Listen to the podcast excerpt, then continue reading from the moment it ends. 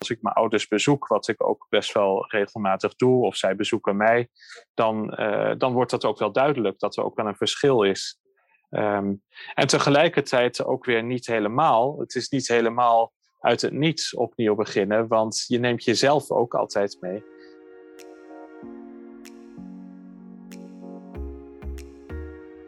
Welkom bij Opnieuw Beginnen, een podcast van Holy Hub. Holy Hub beweegt zich tussen trends, taboes en de tien geboden. Aan de hand van verdiepende vragen creëren we de ruimte om nieuwe antwoorden te vinden op eeuwenoude vragen. We kijken buiten de gebaande paden wat geloof en zingeving te bieden hebben voor de jonge stadsbewoner.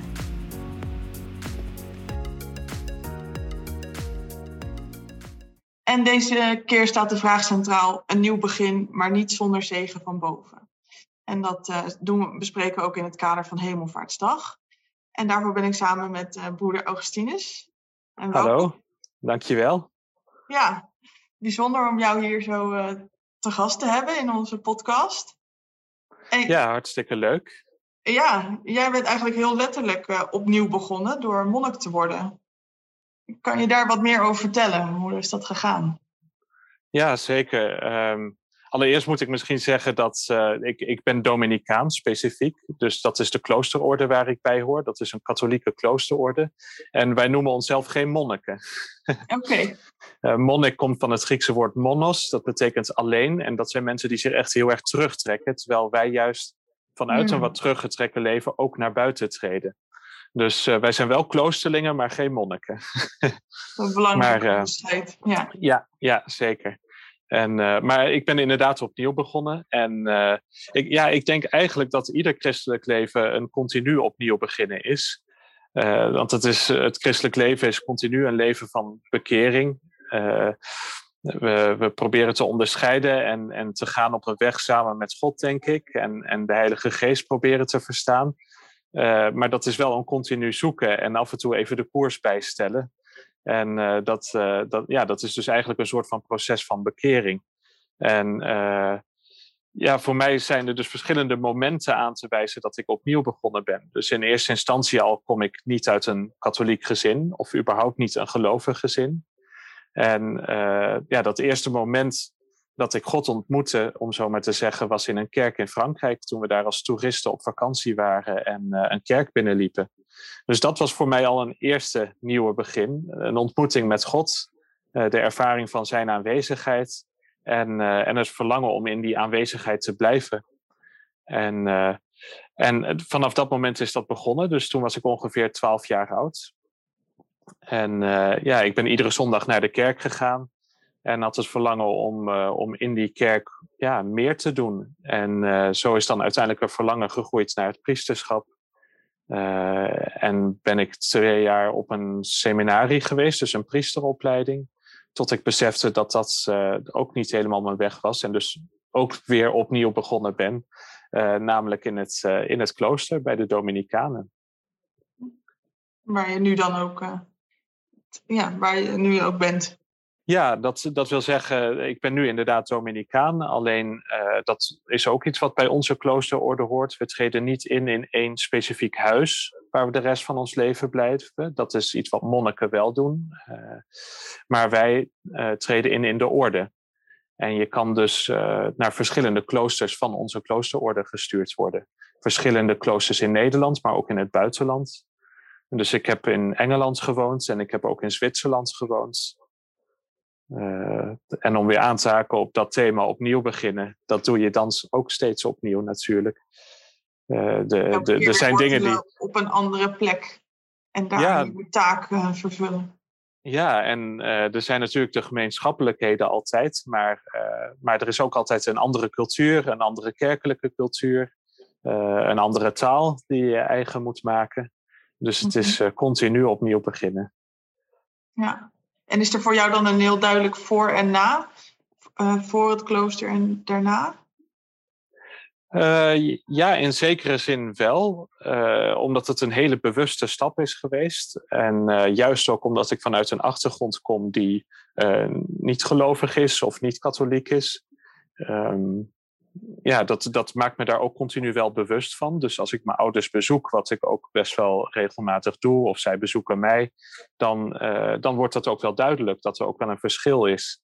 Um, en tegelijkertijd ook weer niet helemaal. Het is niet helemaal uit het niets opnieuw beginnen, want je neemt jezelf ook altijd mee.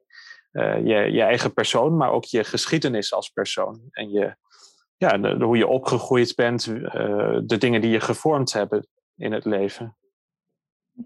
Ja, en bij jou is dat opnieuw beginnen ook zelfs dat je een andere naam hebt gekregen. Dat Augustinus is niet jouw geboortenaam, Nee, dat klopt, dat klopt. Dat klopt. Dus uh, ja, mijn ouders hebben natuurlijk een naam gegeven, Pascal. En ja, het is een hele oude traditie uh, in, in de katholieke kerk voor mensen die een klooster ingaan om een nieuwe naam aan te nemen. En dus uh, echt het idee van bekleed u met een nieuwe mens. En, uh, en dat, uh, dat heb ik ook gekregen, dus de naam Augustinus. Uh, Dominicanen leven volgens een bepaalde kloosterregel. En wij, wij leven in een gemeenschap en dan moet je toch afspraken hebben over hoe je dat gemeenschapsleven inricht. En wij gebruiken daarvoor een regel die al 1500 jaar oud is, die van, van Augustinus. Dus vandaar de link. Uh, en ik vond het persoonlijk ook mooi. De bekende kerkvader. Juist, juist. In de vierde eeuw, ja. Juist. En, uh, en persoonlijk was er een link, namelijk dat Augustinus ook een, een, een bekeringsgeschiedenis heeft. Hij was zelf niet christelijk opgegroeid, ondanks dat zijn moeder dat wel was. en het heeft ja, tot ver in zijn volwassenheid geduurd voordat hij uiteindelijk die stap zette. En, en dat vond ik eigenlijk heel erg mooi. Dus dat, ja, hij heeft het allemaal ook op papier gezet trouwens. Je kunt dat lezen in zijn beleidenissen. Ja, de eerste en, echte autobiografie. In inderdaad, ja. ja, ja. Hm. En hoe werd er door jouw omgeving op die keuze gereageerd? Heel wisselend. Dus uh, nou, op de eerste plaats was er door iedereen de reactie van... als dat is wat echt je diepste verlangen is, dan moet je dat doen. Uh, maar vrienden die, die moedigden het ook actief aan. Van ja, dat is waar je gelukkig van wordt. Dus dat willen we graag voor je. Maar ouders hadden ook wel hun bedenkingen daarbij. En uh, dat is op zich ook te begrijpen, want zij hadden die achtergrond niet. Zij geloven niet in God. En dan is het misschien ook moeilijk te begrijpen hoe iemand in, in deze vorm van leven toch uh, volledig gelukkig kan worden en vervulling kan vinden. En ja, dus dat, dat hebben zij ook wel geuit. En uh, dat heeft eigenlijk jarenlang geduurd voordat ze zover kwamen dat ze dat nou in eerste instantie dan geaccepteerd hadden.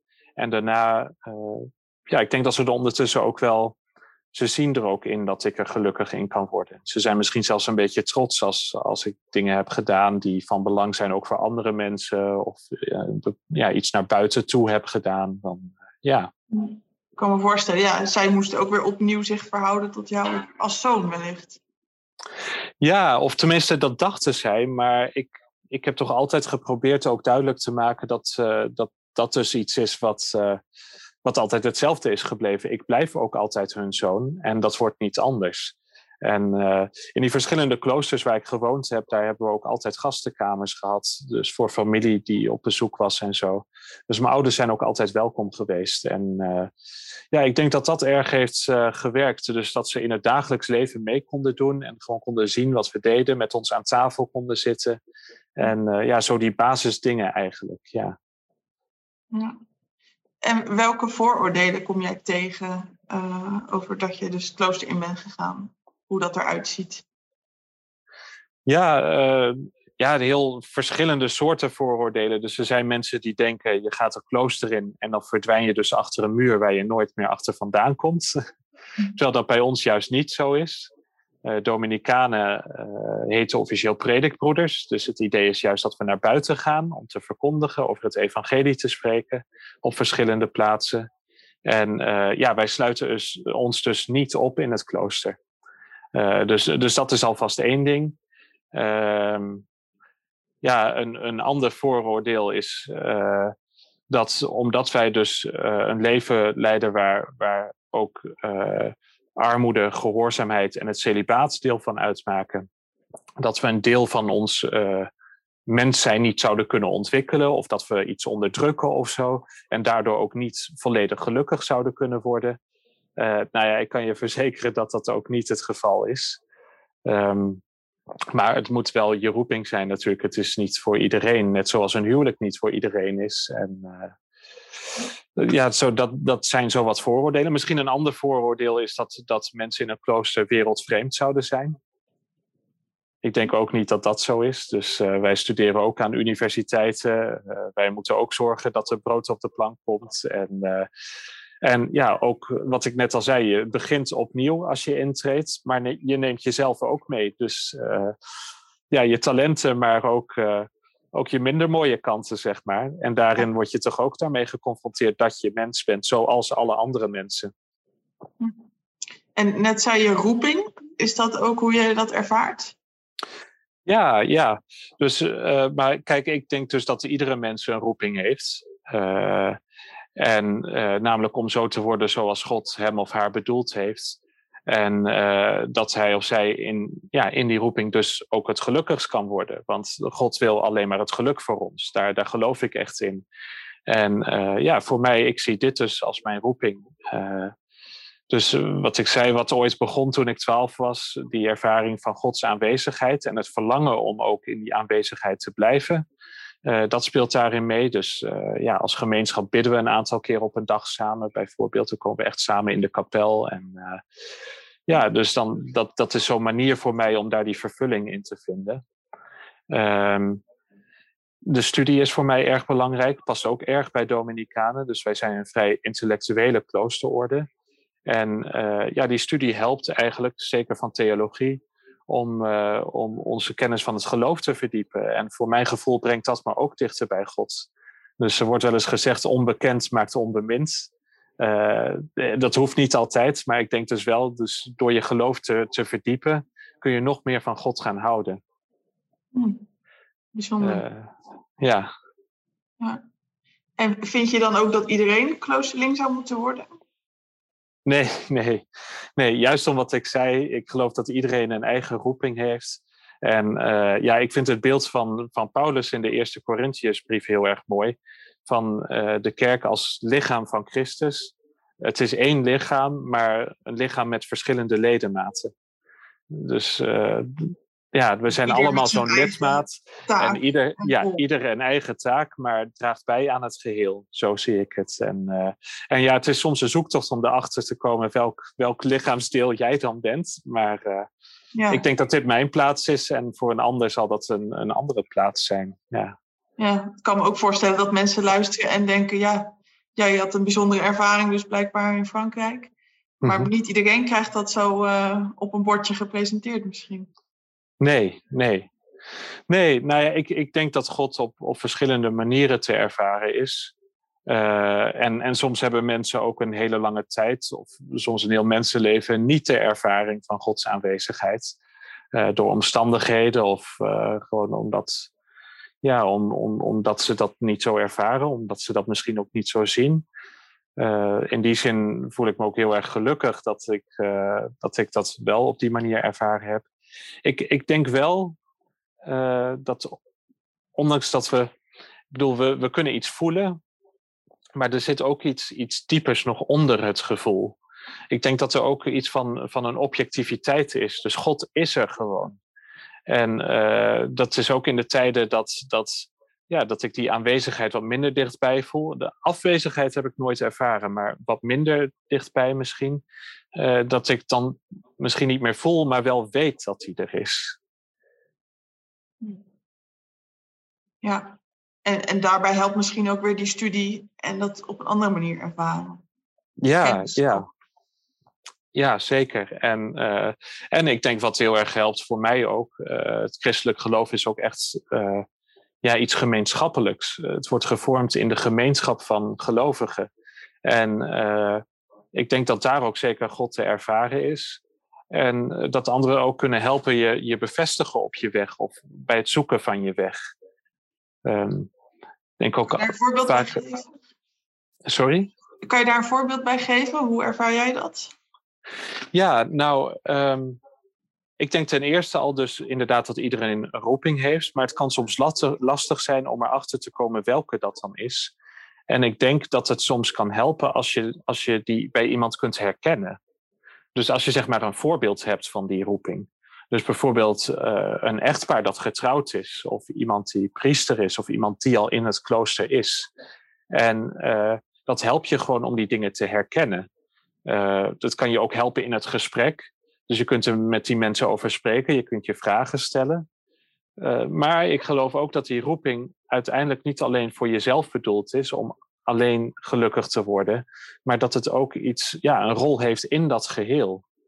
Uh, en, en daarom moet je dat ook in dat geheel, denk ik, proberen te onderscheiden en te zien waar je in dat geheel staat. Dus dat is al bij voorbaat iets gemeenschappelijks. Dus niet alleen maar je eigen geluk, maar altijd ook een soort teruggeven. Altijd in relatie tot een ander, een gemeenschap inderdaad. Ja, ja, en dat kan dus op heel veel verschillende manieren. Maar ja, inderdaad. Ja. En bij ons uh, wordt dat ook heel concreet uitgedrukt. Dus uh, daar komen we misschien nog over te spreken. Maar op 19 maart werd ik diaken gewijd. En het is dus gewoonte in de katholieke kerk bij dat soort gebeurtenissen. Uh, dat voordat dat gebeurt in een dienst, in een viering, dat de bisschop vraagt aan degene die je voordraagt: Weet u of hij dit waardig is? En dan moet degene die je voordraagt, moet dan zeggen, ja, ik heb het christenvolk ondervraagd, et cetera. Dus het is ook iets wat bevestigd wordt door de gemeenschap. Bijna een soort democratisch uh, Ja, ja, ja. Ja, om, om Augustinus te nemen als voorbeeld. Die werd gewoon uit, uit de kerk geplukt en, uh, en, en die werd uh, priester gewijd en uiteindelijk bisschop gewijd. Uh, ja, die had zichzelf niet eens aangeboden. Dus die, uh, ja, dat was echt ja. de gemeenschap die hem naar voren schoof, zeg maar. Ja. Hm. Dus misschien ook in die zin een soort roeping. Dat kies je niet ja. zelf uit. Nee, dat kies je niet zelf uit, denk ik. Maar je hebt wel de vrijheid om, uh, om het antwoord erop te geven. Hm. Daar geloof ik wel in. misschien meer als een soort uitgestoken hand die ja. je kan aannemen ja. of niet. Ja, ja. Ja, ja bijzonder. Ja, want uh, nou, ja, nu ben je diaken, maar daar ging ook iets aan vooraf. Kan je uitleggen hoe, hoe gaat zo'n eh, proces? Hoe word je kloosterling? Ja, dus uh, meestal begint dat gewoon met wat oriënterende gesprekken. Uh, en die heb ik dus gehad met, met de overste van, van de Dominicanen in Nederland. En ja, na een paar maanden heb ik dus gevraagd of ik een tijdje een soort van proefwonen, of ik dat mocht doen in een klooster. En dat heb ik in Zwolle gedaan. Uh, een jaar lang. In dat jaar heb ik mijn bachelor theologie afgerond. Ik dacht, voordat ik dan echt ook ga intreden, is het goed om ook iets afgerond te hebben. Dan heb je altijd iets om op terug te vallen als het het niet is. En uh, ja, dan heb ik aangegeven dat ik wel graag wilde intreden. En uh, dan begint een eerste jaar in een klooster, dat heet het noviciaat. Dan ben je dus novice, je bent een nieuweling, heet dat letterlijk. En aan het begin van het jaar ontvang je dus de, ja, de kloosterkleding, het habit noemen we dat. Je, je krijgt die nieuwe naam waar we het net over hadden. En het idee van het jaar is dat je ja, een heel intensief jaar hebt van kennismaking met, met de orde in mijn geval dus al als broeder. Je bent al een van de broeders, maar je hebt ook nog de vrijheid aan het einde van het jaar om weer weg te gaan. Uh, of om weggestuurd te worden. Uh, we hadden het net over de gemeenschap die het ook moet bevestigen. Uh, bij ons wordt het dus ook echt gestemd of iemand mag doorgaan. Okay. je geeft zelf aan dat je het wil en daarna moet er gestemd worden. als dat gedaan is aan het einde van het jaar, dan kun je je, je eerste gelofte doen. En dat doe je voor een periode van drie jaar. Dus je bindt je aan de kloosterorde voor drie jaar. En, uh, en aan het einde van die drie jaar moet je opnieuw die beslissing nemen of je, of je dat voor je leven wil doen. Of dat het toch niet je weg is. En dat moet dan inderdaad ook de gemeenschap weer bevestigen. Nou ja, voor mij was dat vorig jaar in september. En uh, heb ik dus mijn plechtige professie gedaan, zoals dat heet. Dat is die gelofte voor, ja, voor je hele leven. Dus uh, ik heb me voor mijn leven gebonden aan de kloosterorde en het kloosterleven dat daarbij hoort. Je noemde en, net ook al iets over gehoorzaamheid en armoede. Ja. En celibaat, zit dat, is dat ook onderdeel van die plechtige professie? Ja, dus uh, de gehoorzaamheid is het enige wat we ook expliciet uitdrukken. dat beloven we. Er is namelijk een, een formule en die spreken we uit. En dat is gehoorzaamheid op de eerste plaats aan God, nou, enzovoort, enzovoort. En dan ook aan de regels van de orde. En daar hoort dan ook de, de armoede bij en ook het celibaat. Ja. Maar gehoorzaamheid is ook wel lastig misschien. Of ja, mensen van onze generatie en dan gelofte van gehoorzaamheid is zeker niet meer iets vanzelfsprekends. Nee, dat is het zeker niet. En uh, ja, het idee van onderdrukking kan dan misschien al snel ontstaan. Maar uh, ten eerste al op het moment dat ik die gelofte uitspreek, doe ik dat al in volledige vrijheid natuurlijk. Ik heb er echt voor gekozen om dat te doen. Um, en ten tweede, het is ergens ook wel weer relatief bij ons. Uh, de, de Dominicanenorde is 800 jaar geleden opgericht. En uh, in die tijd was er een tendens dat, dat dingen die iedereen aangingen, ook door iedereen besproken moest worden. En dat iedereen daar zijn zegje over had. Dus bij ons werkt dat zo. Wij, wij hebben een overste die we kiezen voor een bepaalde tijd. En daarna uh, is die gewoon weer een van de andere broeders en kiezen we een andere overste. Maar die overste kan over het algemeen ook niet alleen beslissingen nemen. Dat doen we echt gezamenlijk. Dus in die zin is de gehoorzaamheid wat relatief. Uh, ik kan wel gevraagd worden door, door een overste om ergens anders te gaan wonen. En dan heb ik daar naartoe te gaan. Uh, maar de gehoorzaamheid betekent ook het zien van, ja, van de noden die er zijn ik denk dat dat het allerbelangrijkste is. Dus uh, te willen zien in de gemeenschap waarin ik leef, wat, wat er nodig is, waar, waar medebroeders behoefte aan hebben en waar ik mezelf nuttig kan maken. En ik denk dat als je dat doet en iedereen dat probeert, dan, dan denk ik dat, uh, dat dat kan helpen om jezelf niet alleen voorop te stellen, maar dat dat uh, uiteindelijk daardoor ook een soort van vrijheid geeft juist vrijheid en gehoorzaamheid. Ja, ja. Hm. Boeiend. Ja. En wat betekende dat moment voor jou, die heilige professie?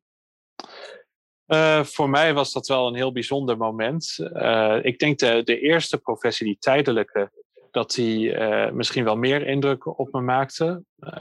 omdat ik toen voor het eerst zoiets deed.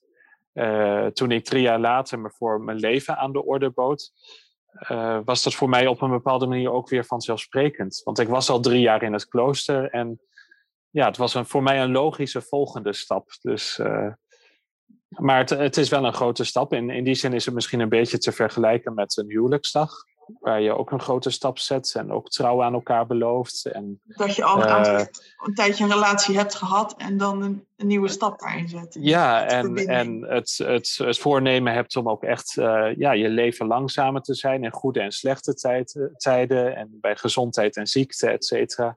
En ja, dat is voor ons ook zo. Hmm. Ja, mooie vergelijking. Ja. En sinds die tijd, hoe is dat verder gegaan? Ja, dus uh, ik noemde al even dat studie voor ons ook belangrijk is. Dus ik ga gewoon door met het studeren van theologie. Uh, dat is denk ik ook belangrijk uh, omdat we predikbroeders zijn. En ja, om inhoud aan die prediking te geven, is het goed om dat ook te, te blijven voeden. en ik ben gevraagd om verder te gaan in de Bijbelwetenschappen. Dus daar specialiseer ik nu echt in. Ik studeer Hebreeuws aan de Universiteit van Leiden. En uh, we hebben een grote, of ja, grote, maar een belangrijke school voor Bijbelonderzoek en ook archeologie in Jeruzalem.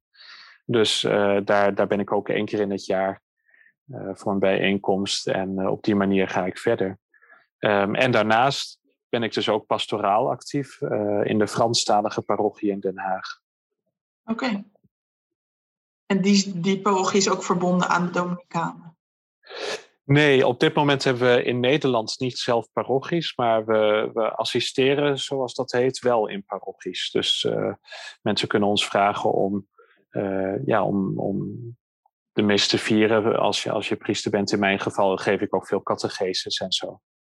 Ja. En kun je misschien even meenemen, hoe ziet een eh, gemiddelde dag er voor jou uit in het klooster? Ja, ja, zeker. Dus uh, ja, om zeven uur dan begint onze gezamenlijke dag. Dan, uh, dan beginnen we namelijk met het ochtendgebed.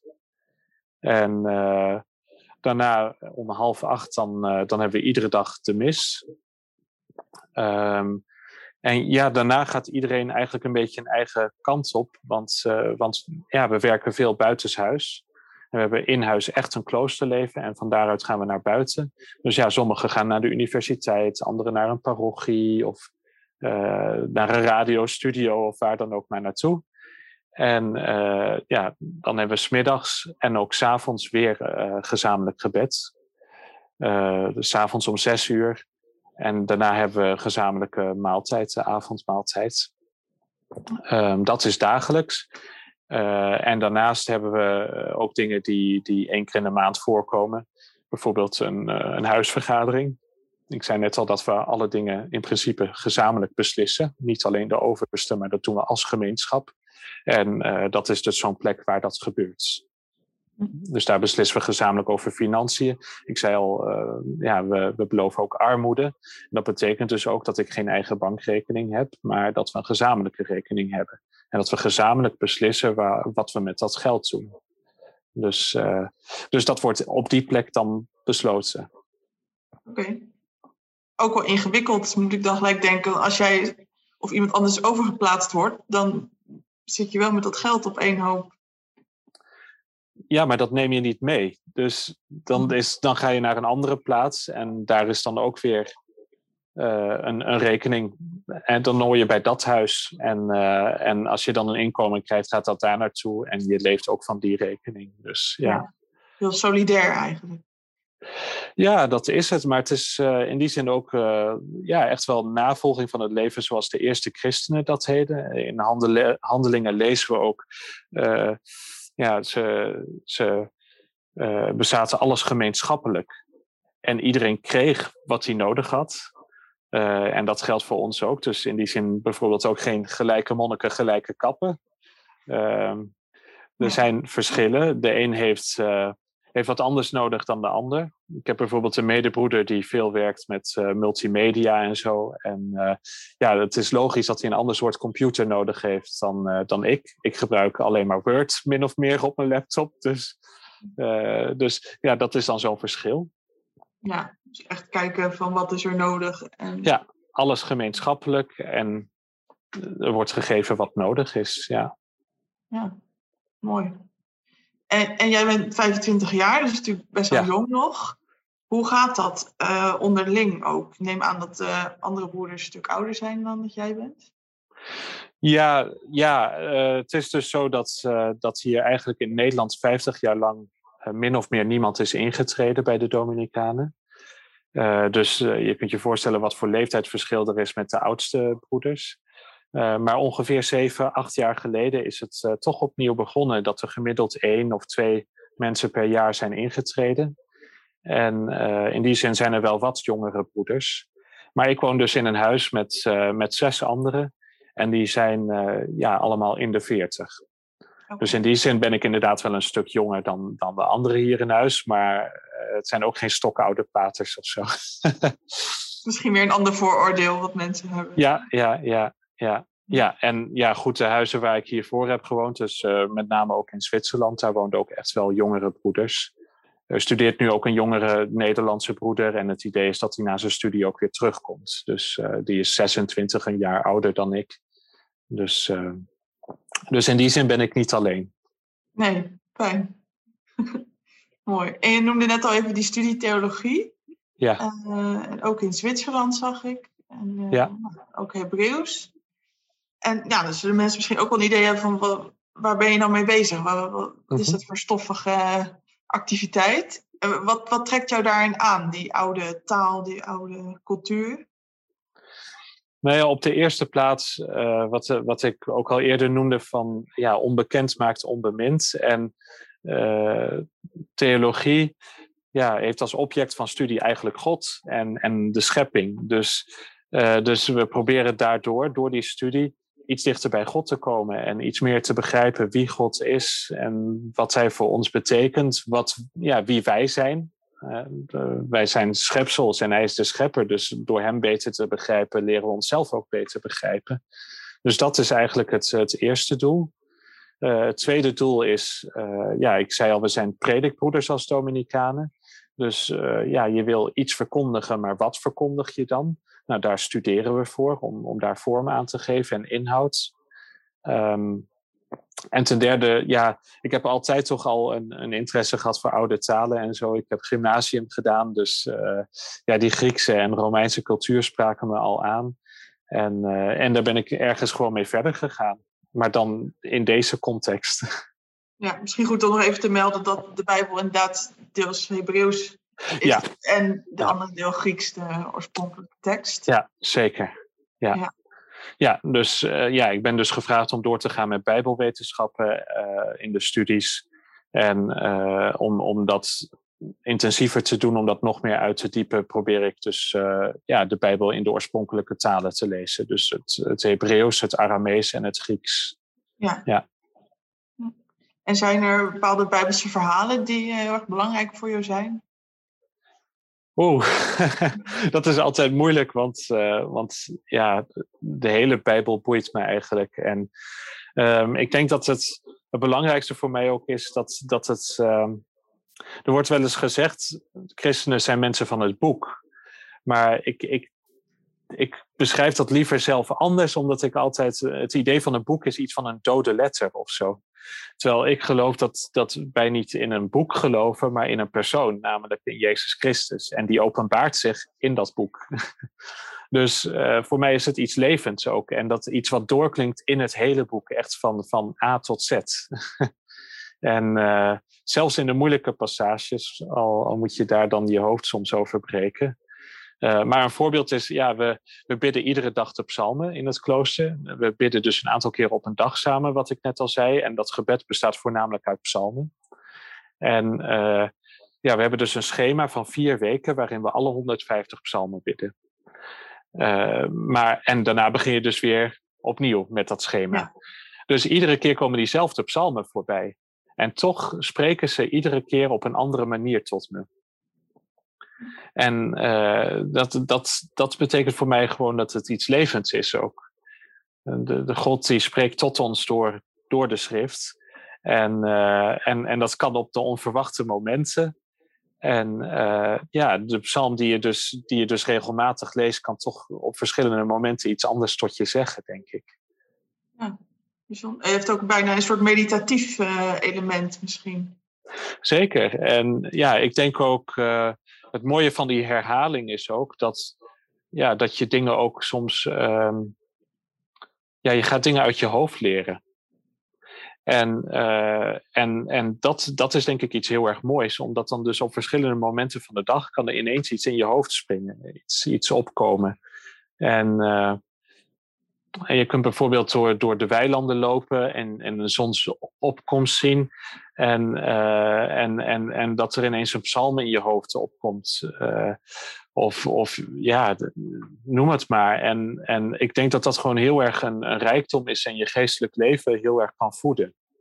Ja, als je zo'n voorbeeld noemt van zo'n zonsondergang, is dat dan ook een manier voor jou om God te ervaren? Ja, zeker. Dus uh, dus ja, een van de middeleeuwse Dominicanen, Thomas van Aquino, dat is een bekende theoloog ook, die, uh, die ontleende veel van zijn denken aan de filosoof Aristoteles. En een van die dingen is de, de zogeheten transcendentaliën. Dus uh, goedheid, schoonheid en waarheid. En uh, dat zijn drie dingen die eigenlijk uitvloeien uit God zelf. en God is ultiem waar, goed en schoon. En ja, in zijn schep, schepping kun je dus iets van de schepper zien, geloof ik dan. Juist omdat dat uit hem voortvloeit. Dus iets wat heel erg mooi is, dat, dat kan mij, doordat het mooi is, uh, voeren tot God, die, die de mooiste is uiteindelijk. een soort afspiegeling of een ja, ja. Ja. ja, net zoals je naar een schilderij kunt kijken en, en dat schilderij heel erg kan, veel kan vertellen over, over de schilder over de stijl die gebruikt is, over de kleuren die gebruikt zijn, noem allemaal maar op. Uh, zo kun je denk ik in de schepping ook iets, iets herkennen van wie God dan is. Ja, ja bijzonder wel, ja. Mooi.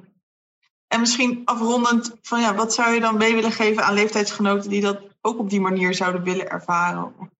daar nog naar zoeken van hoe, hoe kan ik meer die connectie krijgen met God? Het God. Ja, ik denk dat er heel veel verschillende manieren zijn om dat te doen. Ik denk dat uh, wat heel erg kan helpen is uh, door een gemeenschap op te zoeken waar je, waar je, ja, waar je goed in voelt. Uh, dat kan in een kerk zijn, dat kan een jongerengroep zijn. Maar in ieder geval een plek waar je ervaringen kunt delen met elkaar. ik denk dat dat een voorbeeld is. Um, ik denk ook dat er heel veel materiaal beschikbaar is op internet. Uh, dat je kan helpen bijvoorbeeld bij mediteren, bij uh, stukken uit de Bijbel. Of uh, die helpen bijvoorbeeld met kunst. Dus wat kunst zegt over God. En ja, ik denk dat je een beetje moet, moet zoeken daar wat het beste bij je past. Dat kan voor iedereen heel verschillend zijn. Hmm. Ja, is ook misschien een soort oproep van ga dat ontdekken. Ga dat opzoeken. Ja, ja, ja. Ja, ik denk het wel. Dus uh, ja, wat ik ook geloof, dat, uh, dat iedere mens eigenlijk geschapen is met een natuurlijk verlangen naar God. Uh, zelfs mensen die God niet kennen, en ik, we zien dat ook in, in, in de bredere maatschappij, mensen die zeggen, ja, ik geloof niet in God. Maar op de een of andere manier, een mens blijft toch spiritueel. Dan zijn er wel andere vormen, de yoga of vormen van meditatie of zo, die toch in, in het leven van mensen blijven. En ja, dus ik geloof dat we van nature dat verlangen hebben. En uh, in die zin is het leven ook een, een, zoektocht, denk ik. Ja. ja, ik denk dat veel mensen zich daar wel in kunnen herkennen. Ja. ja. Nou, broeder Augustinus, bedankt voor dit uh, boeiende gesprek. Heel graag gedaan. Interessante thema's aangeraakt, denk ik. Nou, en uh, heb je geluisterd en wil je nu meer weten over de Dominicanen in Rotterdam, dan kan je kijken op de website. Dat is dominicanen010.nl. En we zijn ook benieuwd wat je van deze podcast vond. Dat kan je ons laten weten via tabita.holyhub.nl. En vergeet ook niet om ons te volgen op Facebook en Instagram als je dat nog niet deed. Uh, ook kan je eerdere afleveringen van deze podcast terugluisteren via je podcast app. Graag tot de volgende keer.